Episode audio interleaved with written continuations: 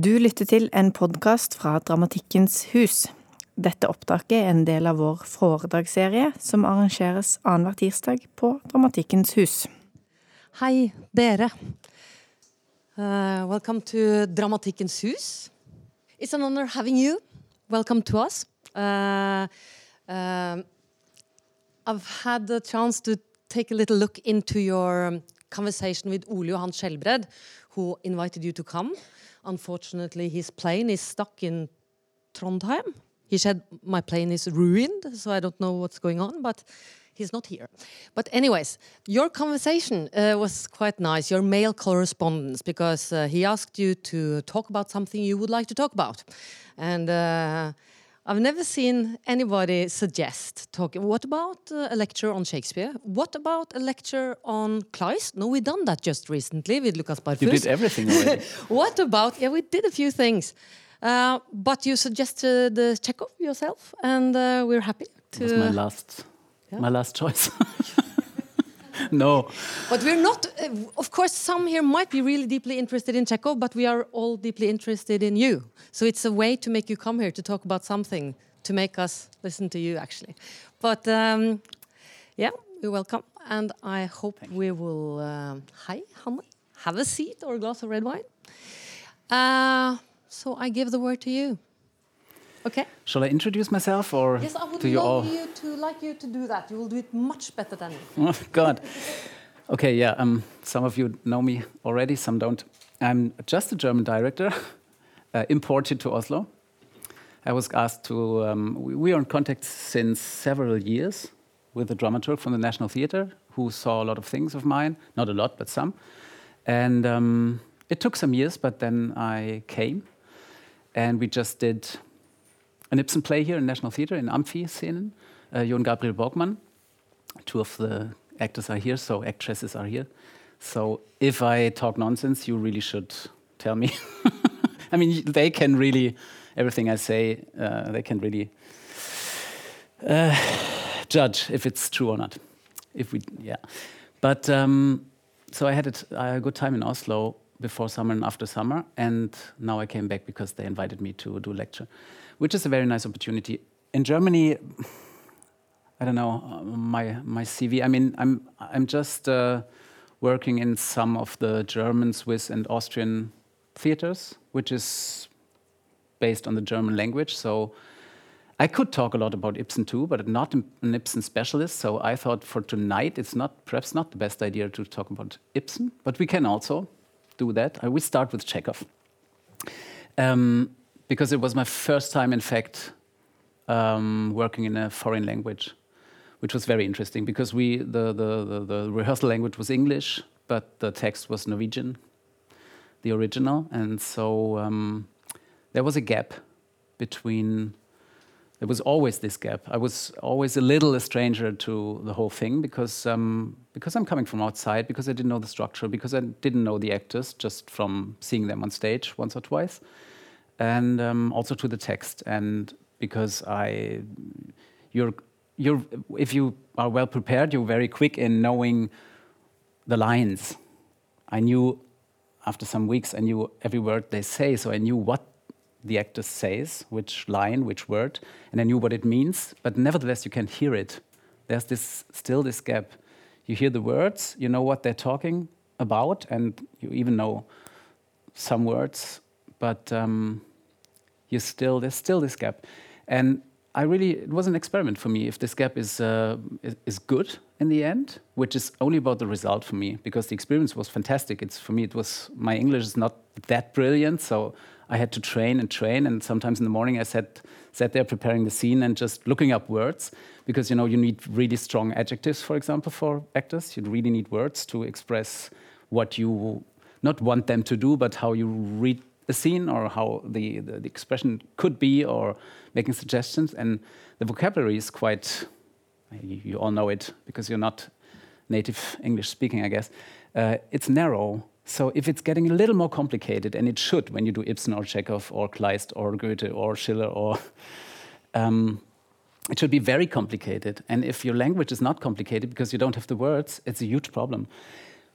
But which was what was interesting, which I didn't know before, that you are when you're talking with hands and, and, and legs and expressing all the way around, and sometimes finding metaphors and, and words that not are exactly what you mean, but and you feel it, and you're I'm a little desperate while I'm talking, like now, and I try to explain it, and sometimes you you you just choose different pictures or metaphors, which is very interesting because sometimes perhaps there I don't even know what what arrives in the ear of the actor because I don't know if I really can express what I mean. But there's something, and it's a little around the corner, like I say in German, um die Ecke.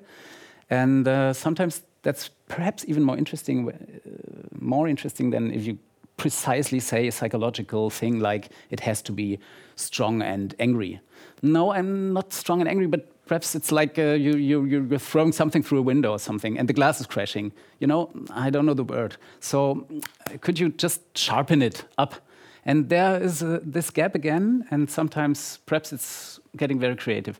But I didn't know before. So we had this experience. In the end, it was a great performance. So we all had a great experience. And I guess it was worth it. That's why I will come back. That's my little introduction. Um, but still, it's a, it's a strange issue because you're not really in the, in the moment when you're not in your language. For me, it's a new experience. As a tourist, it's different uh, if you're working in a, uh, if you if you have discussions and meetings, it's a little different. But when you're working artistically, it's really also about being precise and about being very open. So I was very also dependent on actors who who really are uh, really creative on their own and and and and suggesting things and uh, prepared, well prepared, just suggesting things on rehearsal. So, um, and with Chekhov, it's the same. It's, it's an interesting issue, perhaps, because, and that stands for a lot of authors, it's a classical author. We all have these great plays, they are very well known, and we, I can't read them in original. So if I do Shakespeare, I read Shakespeare in original. We have a translation. Sometimes we even do it ourselves. That's not very serious, but uh, for the theatre production, it can be great to do it yourself with a dramaturg. Not to publish it later, but just for this work. So it's an adaptation already. But if I do a Russian play, I can just read all the translations, compare them, try to figure out what about the author, about his biography, about all the, the literature around. And in the end, I just depend on reading the lines, comparing the different translations, and thinking about how we tell this story and what is our personal interest in it what could be the connection to our society if you do, don't do it historically but modern. And that's i think my job to connect connect if i do classical plays to connect them to our uh, reality. So there's this gap again. And uh, sometimes you're really suffering from this gap but i guess it's uh, it's very important.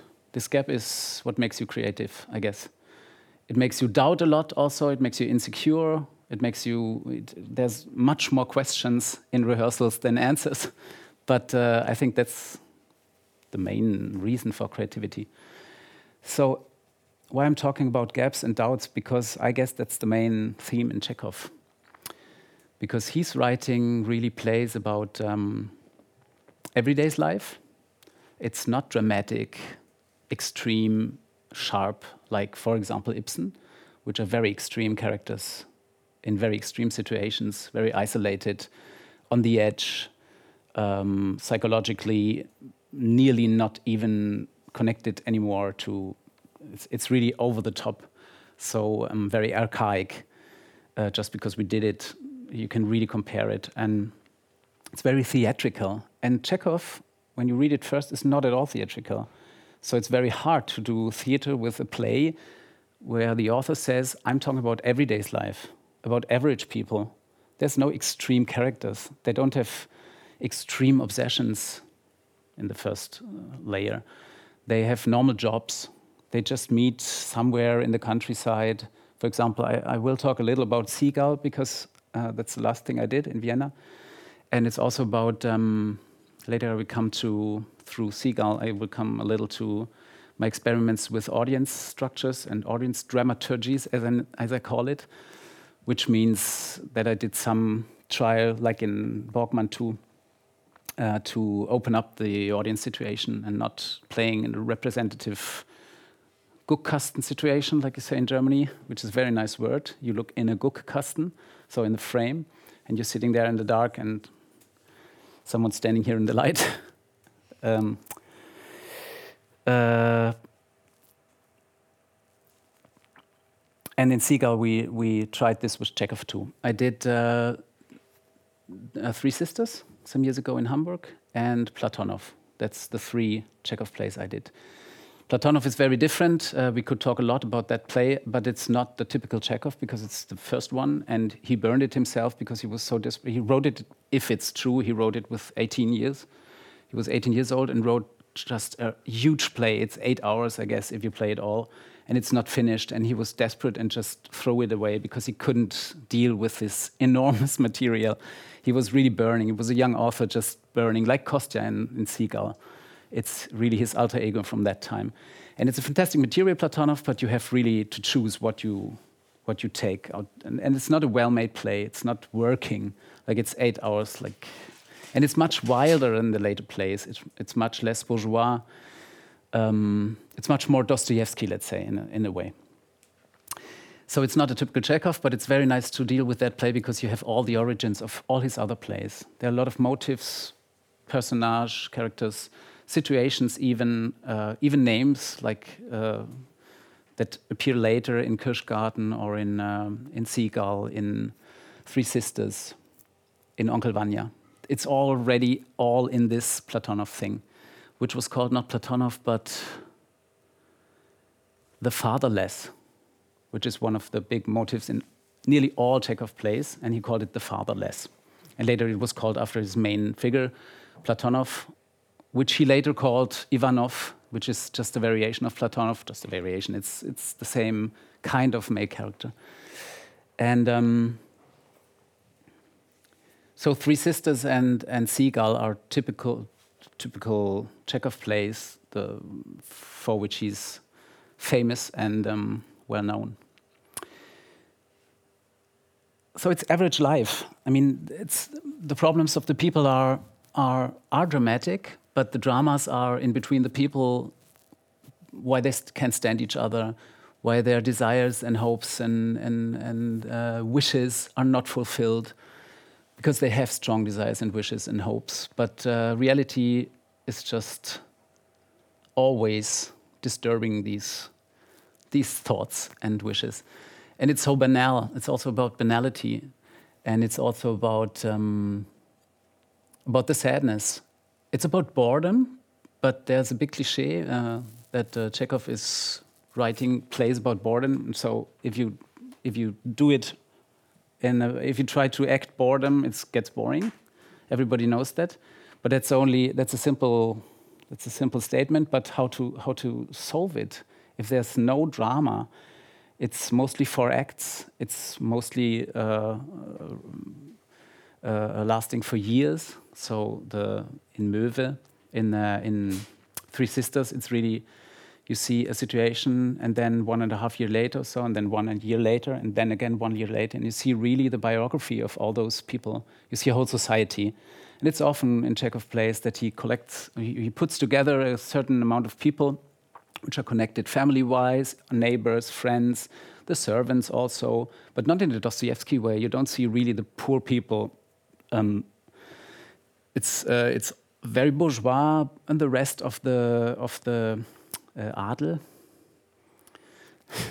yeah, the rest of the adel, the rest of military, but it's not real military because in that time they didn't fight. There was just military as a as a stand, like uh, society-wise, and they all come together. For example, in in the Seagull, they come together for summer vacation, we would say today. And they meet every summer there. And it's the same people. Some live there, some come there for holidays.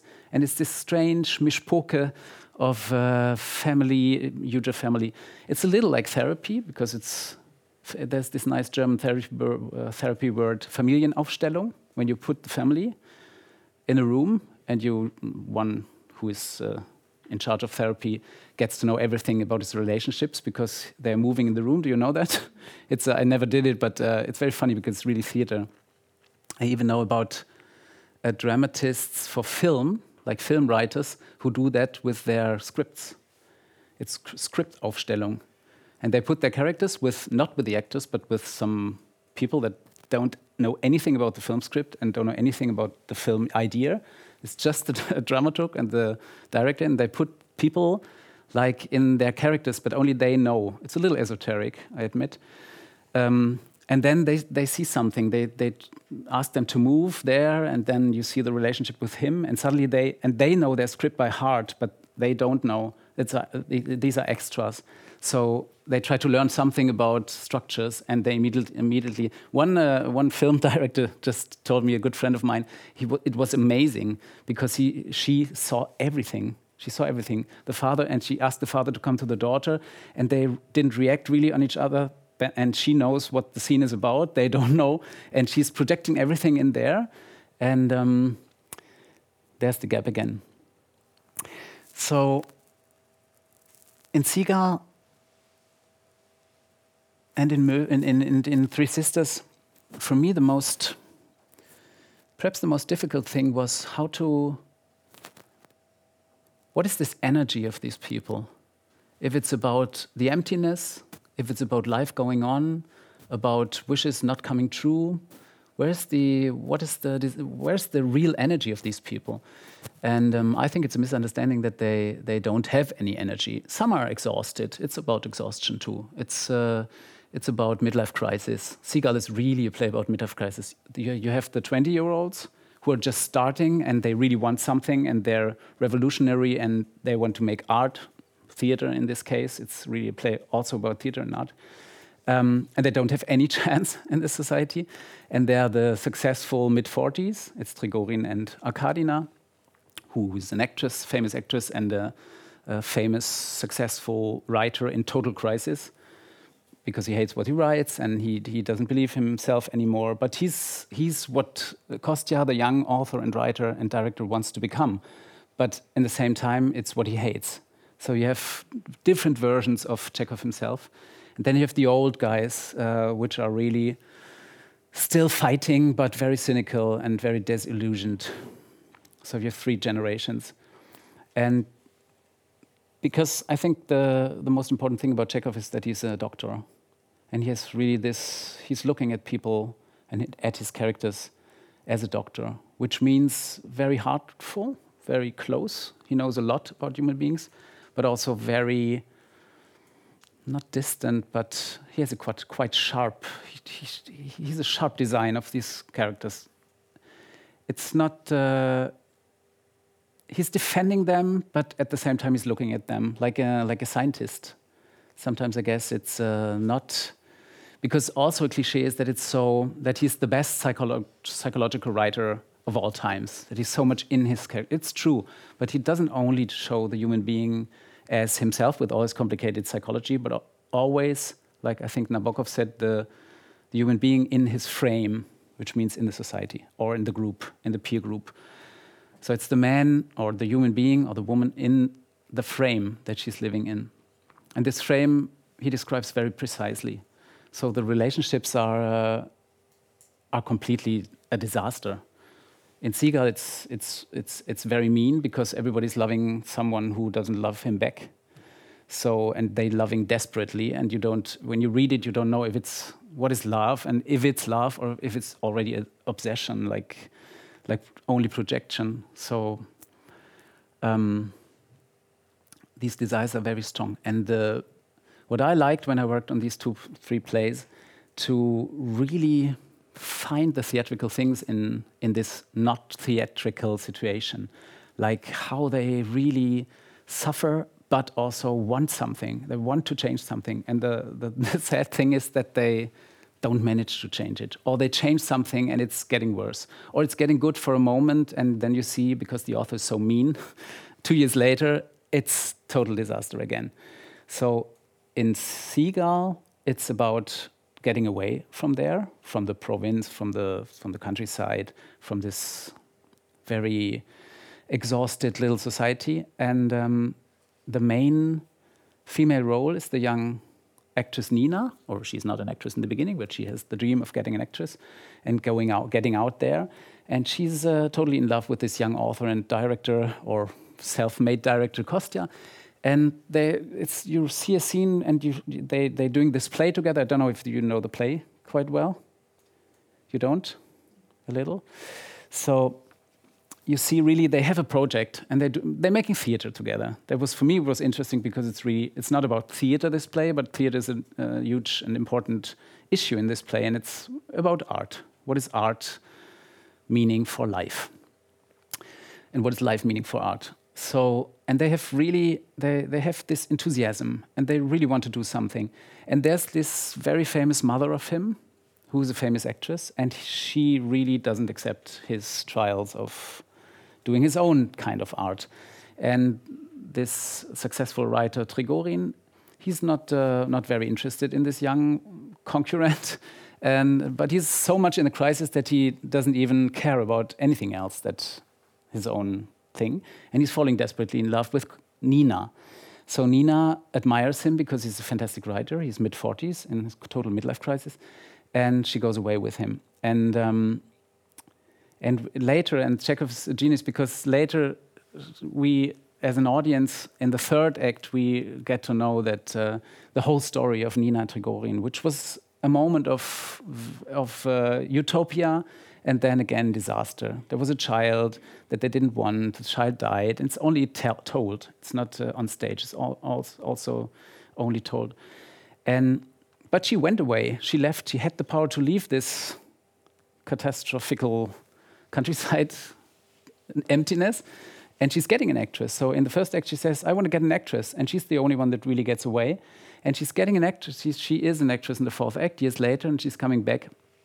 But it's totally sad because she's an actress, but somewhere again in some small theater, she's totally unhappy. She's realizing that she really lost her the, the, the real love to Kostya. He's still there. He's still the son. He's never going out there from the, the role of the son and um, and they meet again in the last act. And after this act, Kostya shoots himself again backstage, and it's not commended. It's just a shot, and that's the end of the play.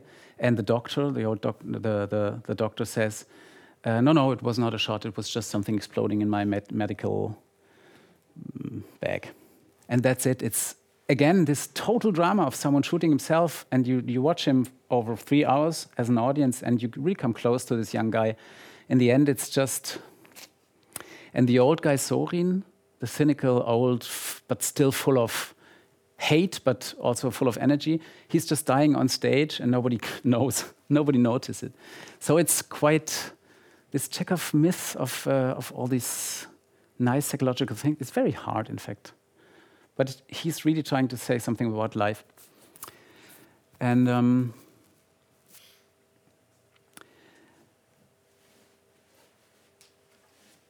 and we, perhaps I, I, tell a little about this work. Perhaps it's, um, I don't expect too much because he's a huge Apple computer, and um, I have exactly seven pictures. It's not, it's not a big dear show, but I wanted to show um, because if I'm talking about the set design of Seagull, where just as an example also of our trials dealing with audience and finding new situations to get these old classics alive again.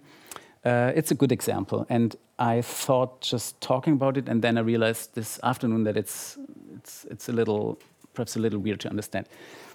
So there's this the most important thing in the play is in the middle of the first act we see the play Kostya is directing with Nina. Nina's playing, not yet an actress, but in this case it's a kind of performance, and he wrote himself the text, so it's an author director um, in one person.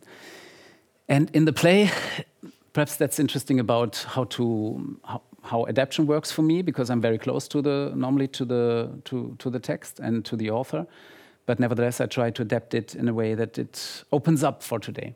So in this case, there was a problem because you see all the characters, you get to know everybody, Arkadina and Trigorin and uh, Nina, and um, you you you get to know a lot about the situation they're living in, and then you see that Kostya is very desperate uh, because he's he can't do what he wants to do because all these famous people around his mother this famous actress, and he has the feel the feeling that nobody accepts him, nobody's interested in him. He's a zero. So he's telling all this, and I said we need we need some something different. We need some kind of new art. We need new forms. That's the the, the, the most famous quote. We need new forms in theater. We need new forms. And I did a play, and I will show it to you. And now um, it's happening.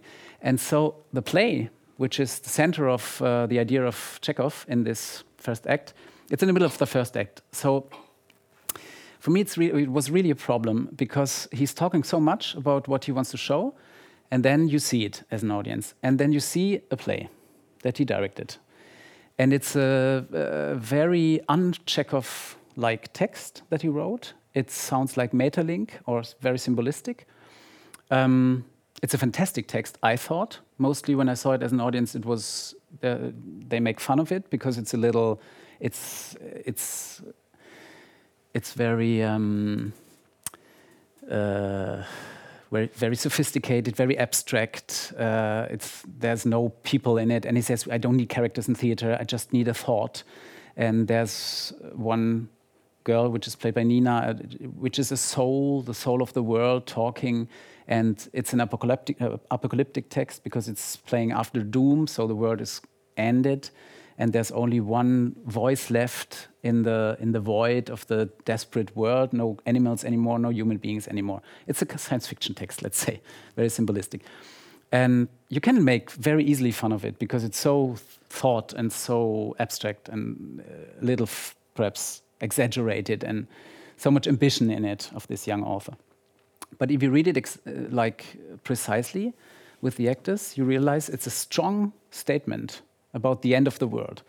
So we try to take it serious. But the problem was when when someone talks so much about what he wants to say with that, and then you see it, either you, you really find a new form, which is, uh, for me, I don't know what that should be at the moment. So you, you as, a as a director are really in the question of what is this? Are you Kostya, Jan? So then you have to, to show this quarter of an hour really the new theater. I would not know what that is. If you don't, if I'm Trigorin and Arkadina, which I was, it was two years ago, so I was mid 45, so I'm totally in the position of this other Chekhov biographic part. Um, that's just stupid. Someone tells something about new forms, and what he does is a esoteric, symbolistic, uh, bad theater. So I was in the shit. And then I decided, let's try to open the play with this play in the play. And that meant that when you come in in the theater room, and it opened up everything. It's not a genius idea; it's a very small idea. We just put it in the in the beginning. So you you enter as an audience, and they're just already rehearsing, Kostya and Nina. So you're in the middle of a rehearsal, and because the play is all about how you live your life, what's your concept for your life? Life is only repeat and repetition and variation. When you suffer of that and you want something new, how can you achieve it? It's uh, it's like a it's like a rehearsal. you try to get out of this rehearsal state in your in your life, but uh, it stays a rehearsal. But a rehearsal for what? Is the original coming later? When is the opening in your life? Is the opening when you're 20, when you're 30, when you have your first job, or when you have your career is at the top? When how can you know? Or is the is the opening when you're dying? So you achieved everything, and then there's the opening, and you, as a director, you can go home. So it was a rehearsal, and. Um, that was fun because uh, you're you're it's just uh, a schedule of something or just a skizze. It's just a try. And he interrupted and did it again and um, asked the people to come to come in to join. There's the moment when this world soul uh, confronts every hundred years. They say in the text, the, the, this one soul, the last human voice, is confronting with the devil because the devil is coming every hundred years. And we chose that the audience should play the devil, and we handed out little lamps. We bought hundreds of little lamps and gave it to the audience and said, "You are the devil," which was a very nice, ironical thing also because the, the audience is the devil for a young author because he's depending completely if it fails or if he has success. So everybody who wanted to participate was prepared, and he briefed us and And, and we, we practiced this scene. And later, when Arkadina and Trigorin and everybody comes to see this play, they played it, and we knew it already, and we were part of it. So it was a very good trick, let's say. It was not meant as a trick, but it was one to be with this young guy, to enter this play with these new ideas and to be part of it and not like looking at it, this should be the new form. Because me as an audience was always like that. I thought, aha, that's the new form. The director shows me something, but yeah, or he's making fun. And um, that's perhaps the, the way that I, it's very naive and very simple, but uh, to get close to the people not uh, embarrassing them or trying to, to put them on stage, but to open these texts up to get them, to let them in, the normal audience. And um, and then it was quite. Uh, it, it, had this little decision, uh, which was the first decision we took when we adapted it. Um, had a lot of consequences because suddenly the stage where we played the seagull was Kostya's stage where he staged his play. So we are the audience not only of the seagull, but also of Kostya's play. So when Arkadina and Trigorin entered, they sat in between of us in the fifth row or something that everybody still could see them as an audience with us again. And we changed sides because then with Arkadina and Trigorin, we sat there and said, okay, show me. But suddenly we're in the thing, which Arkadina doesn't know. So the actress could react very nicely on everybody was holding the lamps and there was fog and Kostya was running around with a, with a, with a spot and the fog, and Nina was performing a crazy performance, and and the audience was playing the devil, and Arkadina and Trigorin could be very irritated about everybody was like playing something, and they hate it. They think it's stupid, it's childish, and they hate it. That should be the new theater. But the confrontation was in the room, and so we um, we took a decision with the stage that we we had an empty stage, which is hard for Chekhov, but for me it was uh, it was very important to have this strange emptiness that these people try to build their characters in. They, they, it's Chekhov writes characters as if it would be roles, roles of life, and everybody tries to find its role, and it's not congruent. It's not. There's these gaps, these holes. There's a hole in my soul, about ten feet wide. I remember a song, and and we put. It was the empty stage in Vienna of the Akademie Theater, and that's originally the look of the backstage wall. It's a very nice old gray wall with, with these radiators, huge radiators. And we took a photo of this wall and printed it on another wall, on a wooden wall that we put as a frame on the empty stage. So that's the wall, the, the print of the wall in the middle of the stage. So it's an empty stage on an empty stage, which sounds very conceptual and boring, but uh, it looked great. Here you don't see it because you don't see the frame that was the performance of Nina. It's not so important, but and this is still uh, not the original theater wall, but the print. You see it in the next picture, which is already the second act. This is Arkadina here. This is the fake wall with a photo print on it, and back there, that's the original wall, which has the same look. And for every act, we had a set design built and phot photographed, but not real on stage, but just the photo and it looked very, very realistic. I mean, if you see it, you think there are chairs, but it's only a photo. And they're sitting on normal chairs in front of this photo. So what happens is that all the, the rooms, the, this is outside, we thought it's kind of like a second act is in the garden, and we thought it's like a sport, some kind of hockey or abstract but sports thing. And um, but it's just two dimensional. And it's just as if there has been some stages, some some frames of their life, as if third act is a buffet, huge buffet. Still, here's the the end of the photo.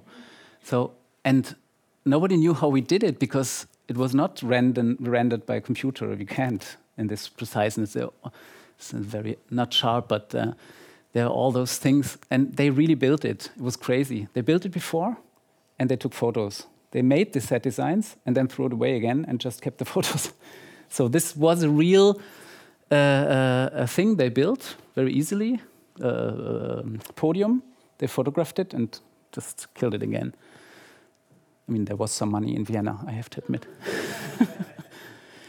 and here again, it's just a photo, and we had these simple chairs. So if everybody was sitting there turning, you really have the impression they sit at a table, but it's just a photo. So it's about illusion and uh, projection and how they try to keep up this life which is fading and just not there in every moment. And um, yeah, here you see the frame. And it was very nice because this wall, we had also a photo idea which has nothing to do with theater. If you want, you can look in the program later. It's um, just, I'm very proud of it because we took photos of the characters for the program and we put the wall, this fake wall that we built, it's just a simple wooden wall, we just put everywhere. We went out in Vienna and decided for each character. It was just a photo idea, but in the end, it, it was adapted in the play. Nina was in theater because, yeah, obvious, she wanted to be an actress. So we just put it in in the uh, very beautiful Akademie Theater in Wien, Vienna. Or, for example, this is Trigorin. We put it on a, just on a lake in the uh, and they just rebuilt it there, and we had some photo sessions. It was so nice because our theater wall went out in the Vienna reality. So the, the, the reality goes into theater, and theater goes into reality. Oh, here it's on the fair, on the famous Prater. It's Masha. And the balloons are, are real. It's just this gray wall. But it's very photorealistic. So, and in the fourth act, the idea was to Fourth act is when they all come back and everything is really uh, a disaster, and it's like only remembrance of the first three acts in the last years. And we just went back to the naked wall and had video projections of our photos we took in Vienna of the different characters. So she could be here, Masha, sitting there and having herself as like a ghosty picture. It was a there. It was really coming together it was a really strange atmosphere because they had their, their avatars next to them. So you get the main idea. Very simple and um, yeah, and still based on this idea that in the first moment the empty stage is a photo of an empty stage on the stage and he's rehearsing there and we are in the room of Kostya's play and the whole seagull is in on the stage of Kostya's play. And he says these famous words about empty stage in the beginning, which is a statement also from Chekhov, because theater was totally different in that time. But what Kostya's dreaming, and some part of Chekhov perhaps was dreaming, was that he said, just an empty stage in the nature, because he's staging it outside. That was his avant-garde idea. It's just the, the, the forest and the sea in the back. So I see the water and the fog and the, uh, the, the birds and uh, just the empty space. And the empty space was our wall.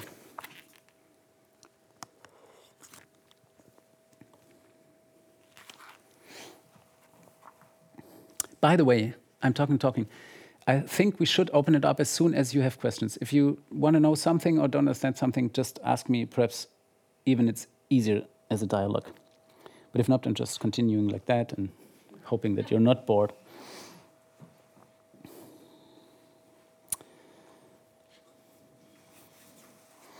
I wanted to start with uh, with the seagull, just to to tell a little about my trials in the last years of different audience uh, constructions, um, and I will. And I hope it's not going too anecdotal because it's just a summarize, but for me, it's all, all, always important. It's it's kind of a, I don't have a theory about it, but I just feel that it was a concrete moment in Hamburg when, when I was um, as a director at the Hamburger Schauspielhaus some years ago, and the theater was in a big crisis because the, the head of the theater was doing quite avant garde and experimental things on the huge stage. It was 1,200 people. And after half a year, it was half empty because it was too, too much experiments, like you always see in Germany again now. That's, it's uh, always the, the tricky thing between the the old audience, not age old, but uh, the, the, the, theater fans and the bourgeois audience, which is nice and we really need and want and love, and the new audience, how to get them into theater. It's the same in Oslo, I guess. And um, there was just uh, they they won't come anymore. It's a big city with two big uh, theaters and a lot of small theaters. And normally, theater in Hamburg was not like in southern Germany, like they love their actors and they go there anyway. But it was uh, it's an it's a, a, city with a lot of arts, and art is important in Hamburg. So it was very disappointing, and it was also very disappointing how fast it goes. That they don't, they they, they see one thing and skeptical and stay and, and and don't come anymore. So I thought a lot about why don't they come, and I was more the conservative, uh, quite young director then, but not uh, the avant-garde thing. I had to do the big things to get them back. so I thought a lot about it, and I thought it's just it was very naive. I thought, why don't they come? Why is it so far away from them? How can I get it closer? How can I get it closer to the people? And when I do, did opera, I did I think four or five operas yet. Um, it was even worse because there's this orchestra in between. So it, for me, it's a very simple thing of distance. You're sitting there in the dark, you lean back. It's two hours, three hours, sometimes four hours. Uh, you fall asleep. It's theater narcolepticism. We all have it. We all know it. And uh, yeah, it's not. It's not. It has nothing to do with me. If it has to do with me, I'm looking from distance and get touched intellectually. But how? Yeah, how to get? How to come closer? And in opera, it's it's useless. We tried everything to put they, it's it's all there. They all it's not new or something, but put orchestra on stage. Put uh, I don't know. The singers very much in front, but you always have the problem that they have to be they have to see the conductor. They have to be behind the orchestra because the orchestra sound. If orchestra is on stage, it's much too loud. They are very very um, different problems than theater. But in theater, you can because you can just come very close it's for a moment it's embarrassing if I come very close and continue like talking like this. It's not. I mean, it's a little. It's a little strange, but if I sit here and just talk, and you need a moment perhaps, and then I, I just continue, and I think, uh, yeah, what? where's the guy? Where's the guy gone? So, I think the first thing we really did was Faust in Hamburg in that time. We really had to to take consequences of of this people not interested anymore. And we rebuilt the whole Hamburger Schauspielhaus, which, which, is a huge 100 uh, year old, beautiful palace. And we just rebuilt it on stage. So we had an arena and put a, a, a round stage in the middle, and we played everything there. And uh, there was also, because who saw Borkman? Some. Because it was my first trial of, I didn't even tell you, I guess, uh, with a choir hidden in the audience. We had also some. It was not a professional choir. It was some teachers, teachers choir, very nice. And they because they have to be there every night, and it has to be at least twelve, perhaps sixteen people. And they were in the audience. So when Faust starts to hearing voices because he's getting esoteric and trying to get the world ghost or something, or later when when it uh, when it's going very Christian and dramatic, they were whispering, they were singing, they were playing the poodle. So the impression was that the audience was whispering and singing, and it really sounds like that. When I did an opera, we had it once in Orfeo, a Monteverdi choir from 60 people being amongst the audience, which is for music lovers a little hard because they don't have the full sound in the conventional direction, but nevertheless, it sounds so fantastic. I mean, if you're next to the bass, you hear more bass than soprano and alt, but nevertheless, it sounds really, really, it's really touching. And even if it's 16 teachers. it's already, it's fantastic because it's really coming from the people then without forcing anyone to take part, which nobody loves. And I hate it most. In Hamlet in Zurich, for example, everybody was sitting. There was, was a huge hall. Also, it was not a classical theater. They were sitting. We were sitting in, in a, on all four sides, like being part of the court, like being part of the power. And Hamlet was rebelling against everybody. And um, the most important thing there was that uh, the famous mousetrap scene when Hamlet has these actors to show the king the murder, and he uses theater for uh, uh, getting out, getting the truth. We did it with uh, with audience, and it was extras. It was fake extras, like in Borkman. It was not real audience, but he just casted his his uh, theater crew and gave him the Shakespeare text and really staged this mousetrap on stage live with them.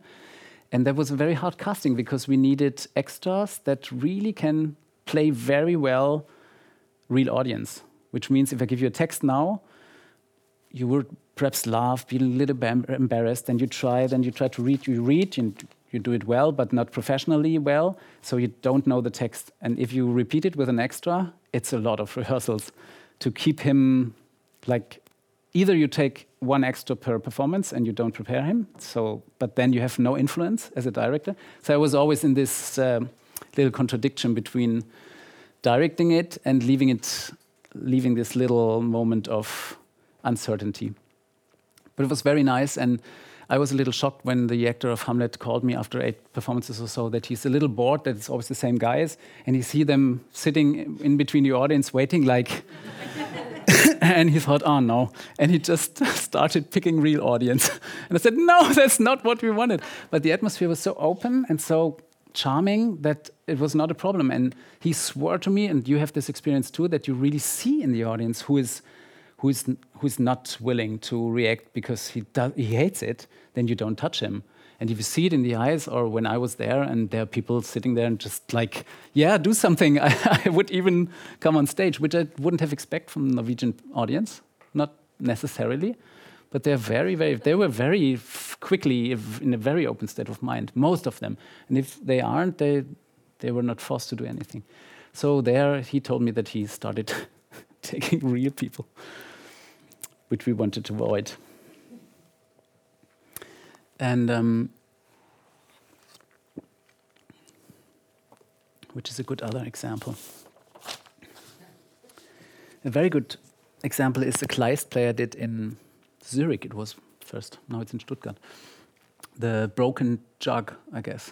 I don't know if anybody knows it. It's a comedy by Kleist, and very well known in Germany, but hard to translate, and that's why I guess it's not exported that much it's a comedy, but from this very dark and strange author Kleist. So it's a very dark comedy, and it's about a, it's a, the, a judge judging himself because judge, a judge is in somewhere in a small village, waking up in the morning, and um, he's hurt, he's badly hurt, injured, totally drunk, and uh, naked, and it's like he's called Adam, and he's like the first man on on earth. He, Kleist plays really about with this symbolism, but he's a drunk, injured judge. And, and that day uh, should be the, the day where, where the trials are in this, in this little village, every Monday, let's say.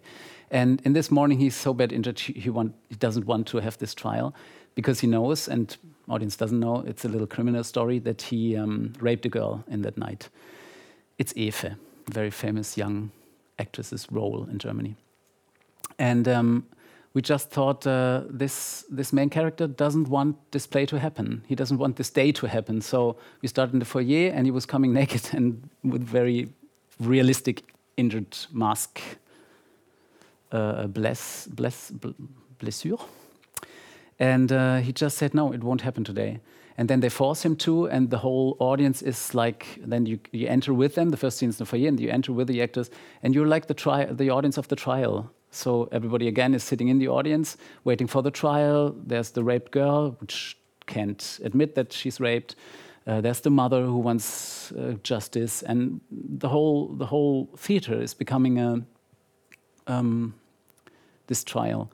So it's always like folk. I would say it's a kind of a modern version of folk theater, but I know that folk theater, this uh, the word is very easily to misunderstand because Folketheater here is musical, for example. In Germany, it's it's the same.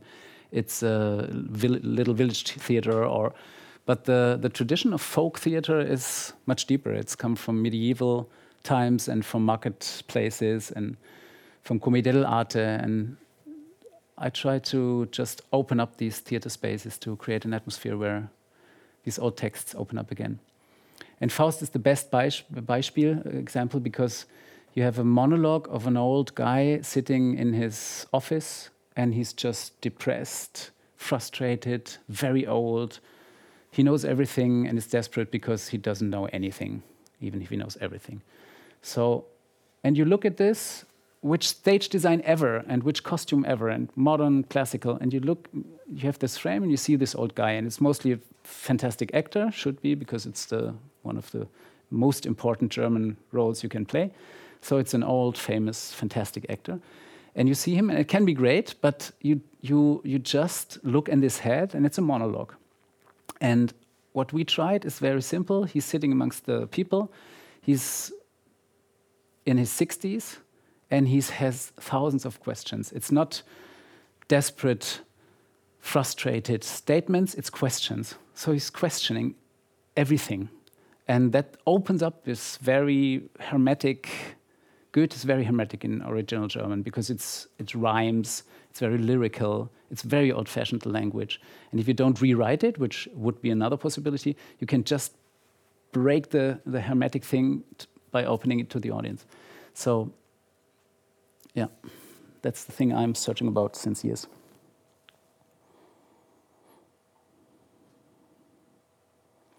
But now I went away from Chekhov because there are so many nice examples also about classical plays, um, how to deal with them nowadays, which is a big issue for theater because if it makes sense to just keep on playing them and not destroying them and not putting something on it, you just should go from inside the plays and see what, how to open them up uh, to get them close to us without closing this gap, which is still most interesting thing that it's not us. Sounds like a very dramatic final statement. It isn't. what do you want to know? Do you want to know anything? No, my question is: Did it work in Hamburg to include the audience? It totally to worked. get it back. Yeah. Yeah. Otherwise, I would be ashamed and not talk about it. no, it was a big thing because because we didn't. It sounds conservative, but I, I don't destroy the plays, and I don't. I'm not one of the directors that put a big concept on it, but just go into it. And that was totally that. It was totally Faust. Um, but in an atmosphere that the whole it was a it was quite well thought through also there is a concept it was there was a lot of pictures even if it was only a stage in the middle of a huge audience um, but it totally worked out yeah it was the first Faust since uh, Gustav Gründgens because nobody in Hamburg would touch it because he did it in the Nazi regime very famous Faust, which was totally not political. And then in the 60s, he did it again. And that, and Gustav Gründgens is the most famous Mephisto in Germany. And uh, there's a very good film of this performance also. And every German uh, uh um, um, child has to see it for Abitur, for, for in, the, in, this, in school. And uh, especially in Hamburg, it's a myth. And so it was interesting because the older people saw it in the 60s because it was running till 69 or something. So a lot of people saw the original Gründgens Faust, which is supposed to be fantastic. And then everybody else saw the video, at least. So everybody has this version in mind. And it was the first time for me that you really can play with expectations or knowledge because you often try as a director, but it's so different. Some know the play, some don't know it at all, some know some cliches. Even if it's very, very well known, you can't you can't um, count on people's expectations and knowledge. But with Faust in Hamburg, it was the first time that I re realized it's quite common the pictures that they have in mind, and you can really play with them. You can touch them, use them, uh, being ironical, citation, um, going totally against it, and you know they know how it was solved by Gründgens. So that was quite. That was. Um, and because it was such a myth, a theater myth, some of them exist still, nobody touched it over years. There was a Faust project, something like really an adaptation of, but was it was not the play. So we did the first Faust since Gründgens, and the pressure was high, uh, and it was in total crisis. So it was it was good because I was not afraid, because I just thought, yeah, it yeah, it's everything or nothing. Just a quick question. Uh, uh, as far as I understood, you worked in Oslo for last year or so. Could you please say anything about uh, your impression um, regarding the Norwegian art scene and uh, what is the strong side of our Norwegian drama right now? I don't know too much about it because I'm. I have to admit that I, I, I saw some plays and and um, but I wasn't even here, for example. I'm here for the first time. And I spent some, it's only some weeks that you spend for a production, so I'm still a little stranger. But uh, what I really appreciated was how heartily we were welcome as a team.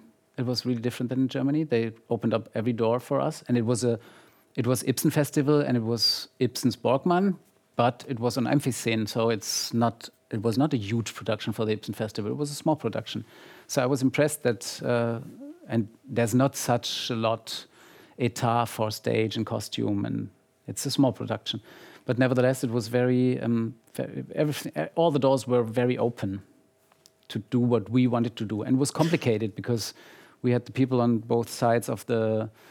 Oh, but we had, we have. We hope that it's running again. The moment we pause, but I hope that they will play again. It's not that true. So we had the people on both sides of the of the room. It was really a dualistic thing, fight between the two sisters, and also fight between uh, Mrs. Borkman and Borkman. in the play living very isolated. She was living on the ground floor and he was living in the first floor since years. They don't even talk to each other anymore. And it's the same with us, but amongst the people. So the isolation is in public. Like for me, it's much more interesting to, to see uh, lonesome people in the middle of society like we are and not uh, the extreme Ibsen uh, special Nietzsche Übermensch.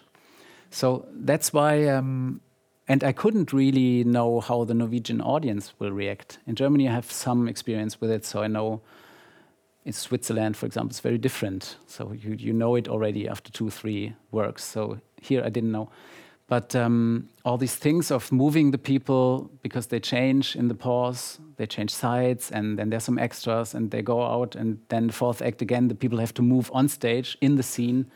We did really didn't know, and it was no problem at all. I thought I, I thought a lot about how can we get them in the last scene to get over because the last scene is playing outside, but there is no outside in our version because outside doesn't exist. It's still in this house, in this horror house. So all these technical problems were was uh, was very very open-minded and to our ideas, set designer and mine ideas. So that's that's the only thing I can describe. That it's very open to that. And then they told me in Amfiscene there's if you do Ibsen in Amfiscene, there are only very old people coming because it's Ibsen and there's an elevator. and it was totally mixed. And I, I love older people in theater, but it's great when it's really mixed. There was every, everybody was coming. So, so also this fear of uh, how are the expectations if you do the national author of Norway, and I'm not an Ibsen specialist, like I said. Um, is it good to bring me here to do an Ibsen play? Or is it a bad idea just to let a Norwegian guy do it? So I think it was good. So, but I don't know a lot about the Norwegian art scene. Not a good answer because I don't know anything. It was quite special to work with all this audience uh, and uh, all the and the choir. There were six, 60 people, I think. But my favorite story is uh, they're leaving uh, when Borkman has a monologue and they're going out to the cantina. And uh, we were sitting uh, waiting for the end, and then the choir lady is coming. And um, one day, one in the choir had a birthday, and they were eating cake and singing a song. And there was this one lady, and they were looking, Excuse me, are you in the choir? And she was like, uh, no. Uh, Choir? no, I'm uh, audience at the Borkman. And then, by accident, one of the real audience had gone out with a choir to join the, this birthday, but she was having cake, having coffee. It took a while. It took a while was, until she realized. It, and, and she and she didn't consider is this. She was just okay this is Borkman, whatever. I I just joined the party. And I think it was just so really great fantastic. that she she didn't ask for anything. She, she just yeah have had this birthday celebration. But I think she got the new offer to have a new ticket and so but she had to look she had uh, to see it again. obviously to to play with all this choir we had a lot of experience. Um, but I think it's just so great that this one old lady just yeah had a special evening at least. Imagine you're in theater and you go out because you think it's yeah, yeah, it's a director's idea. Perhaps they play the scene twice or outside it goes on and they see another I don't know, it's a concept. So I go out and I find myself in a birthday party and I really, and she really needed some time, I guess, to realize that it's not the play anymore. Yeah, but, what is it if it's not the play? Is it life or is it what is it? And they sing happy birthday. And, yeah, and then the question: Are you a member of the choir? And she didn't even know there is a choir. Yeah, so yeah, yeah. choir? yeah. That's really nice. But many really of nice. the um, normal audience, when the choir was leaving, they thought that they, They would, leave, they yeah. was going to see it on the monitor. Awesome. And a friend of mine thought that we were going to do the end twice, that the audience is leaving and then we have to leave. And so it was much, yeah, it was nice, all these different reactions from the. It's impressive because Yeah. even after some experiments with that kind of stuff, you can't uh, mm, know what people think because I was sure you think it's real audience, you see normal audience, and then suddenly the moment is fantastic when Borkman says, "If you don't trust me, I don't need you anymore, so go out." And everybody says, "What? Go out? we, we paid for the ticket. It's extra." So they played very well, very fine not playing at all. So um, he said, "No, I'm, I'm serious. Get out, get out. I don't want you anymore." And so the whole side of the Borkman side was going out, and the moment is very strong because as an audience you can't know. We did everything yet that you can now. So the moment's very strong because 60 people standing up or 70 and going out, and some. And, and, and if in the first row some would stand up, uh, actors and also entrance personnel said, no, no, not you. but this one lady escaped. But, uh, but then I, I thought if they really leave, 70 people leave, that's the moment where everybody knows that's a fake. And it doesn't matter. It was a moment of illusion. And then, much more important for me, was the image that it creates, because afterwards it's really empty. You look on an empty, very small, it's not huge, but empty and isolated Borkman, because if you don't trust me, I don't need you, so go out. I don't need an audience. So he's all on his own suddenly, which he's in the play, he's anyway from beginning. But we showed this moment of isolation and solipsism, and he, he- yeah, and he's there. And there's just one lady left, his old, his former love, and she's sitting there. And then there's a very strong scene between the two of them about past and future. And um, but I never would have expected that most of the people, even afterwards, in the pause, then they they they don't realize that it's extras because I'm fucked up also because I know it immediately when I'm in theater. Sometimes something is happening and I don't know if it's, it's a mistake or if it's a directed mistake. It's very nice to talk about mistakes. It's the gap again. It's fantastic when there are mistakes in theater and you don't know if it is one. But to touch it, it's very difficult as an actor and as a director because if you stage a mistake, it's difficult. A private laughter or uh, uh, someone's forgetting its text. It's fantastic when it happens, and it's getting a, it's getting a thrill of something. But uh, if you try to stage it, it's hard. But it's very interesting to to try to stage it somehow. But there, uh, I'm also impressed again and again about this fantastic naivety of people that they really until the end. In, in the end, some people asked, and this, this, this um, huge amount of other people, do, they see it again tomorrow? Or no, it's extras. I won't send people that away that paid for tickets. So, but it's another way of thinking. That is great, because if theater touches this, it's it's kind of real. It's about reality. It's a fake reality, and that's what we do. So it's we create an own reality sometimes. So Werther, for example, last example, Oh, yes, please. we had Goethe's Werther, very small production in the Gorki Theater in Berlin, and there were three people. And Werther was there when the audience coming in. There was very loud music, and he was like Werther, like the novel. You, I hope you know all know it. And he's like feverish, and all these letters that he wrote. This is a letter novel, so we just put it again not as a monologue, but as a dialogue with the audience. So the audience is his best friend, and he's trying to explain himself by these letters. It worked very well. So he's, he has plenty of questions and statements and hesitating doubts and feverish and young and and then um, and, and the audience was coming in. There was this huge music, and the actor was there in his costume, totally like in our aesthetics. It's very much costume, so it's very obvious that it's not an audience member or something. so he was running around and saying hello to the people and and then uh, telling his story in front of the people.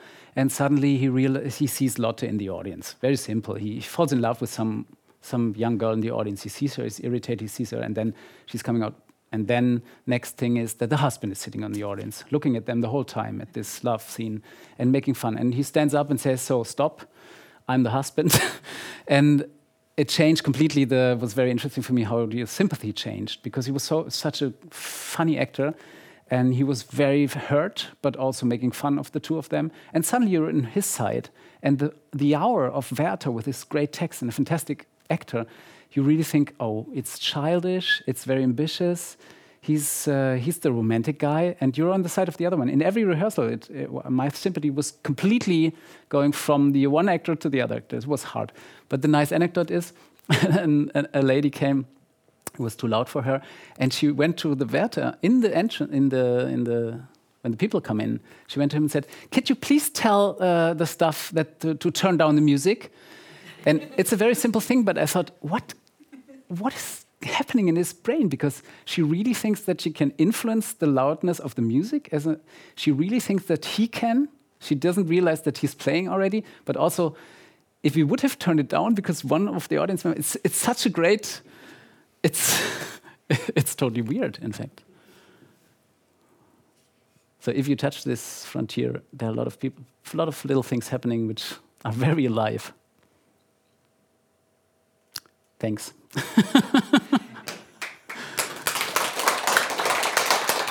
Du har nå hørt en podkast fra Dramatikkens hus.